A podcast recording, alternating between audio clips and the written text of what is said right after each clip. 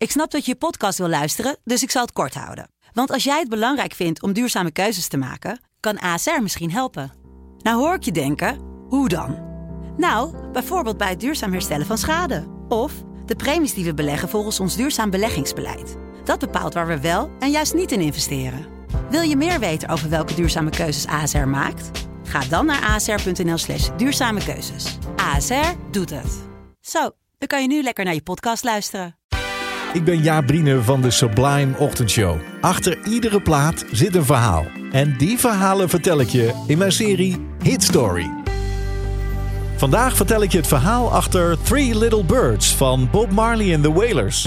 Sublime Ochtendshow. Hit Story. Verhalen achter de muziek.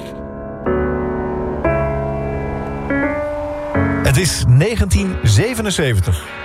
En Bob Marley is ver van huis. Hij is in Londen in de opnamestudio's van zijn platenlabel Island Records. Hij is zijn negende studioalbum aan het opnemen samen met zijn band The Wailers. Hij zit niet op zijn eigen eiland Jamaica, maar hij is wel bezig om een lied op te nemen dat hij wel daar heeft geschreven. Vorig jaar heeft hij dat gedaan, toen hij op de veranda van zijn huis zat in Kingston... rustig te genieten van een jointje en kijkend naar de vogeltjes op zijn vensterbank. In de Jamaicaanse politiek is het namelijk niet zo rustig. Er komen verkiezingen aan. Jamaica is nog maar 15 jaar onafhankelijk... en de laatste tijd gaat het met de economie daar niet zo goed... En het botert ook niet echt tussen twee rivaliserende politieke partijen. Er zijn bendes gevormd en uh, discussies worden opgelost met geweld. Terwijl zijn land om hem heen een beetje in elkaar lijkt te storten... zit Bob te kijken naar die vogels. Canaries zijn het, die op de zaadjes afkomen. De zaadjes die Bob laat vallen als hij een nieuw jointje aan het rollen is. In een flow krijgt hij inspiratie voor een tekst... want die vogels, zo lijkt het, die willen hem iets vertellen. Don't worry about a thing, because every little thing is gonna be alright. Maak je geen zorgen, het komt allemaal wel weer goed. Maar het komt niet goed, althans, niet op korte termijn.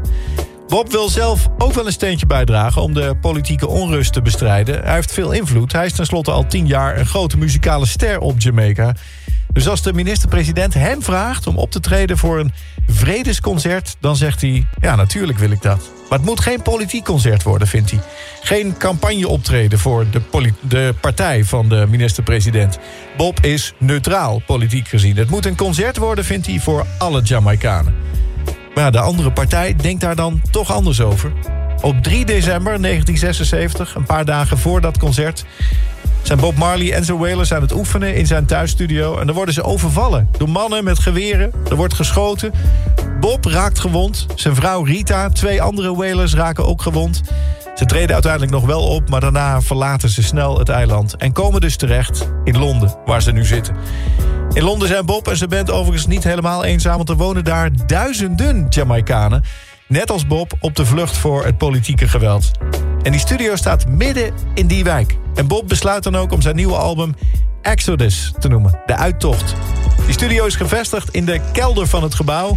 en Bob zingt het liefst in een klein bedompt gangetje plek tussen de studioruimte en de plek waar het mengpaneel staat. Want daar klinkt zijn stem het best, vindt hij. En daar neemt hij dit ook op. Een van die liedjes die hij opneemt, die hem doet denken aan thuis. Aan zijn zonnige veranda in Kingston.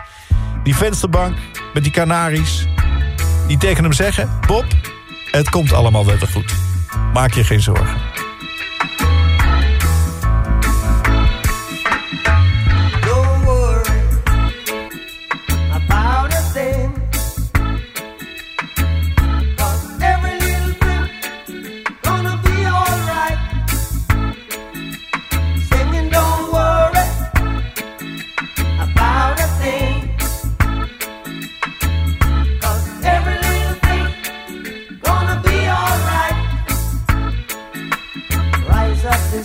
rolling.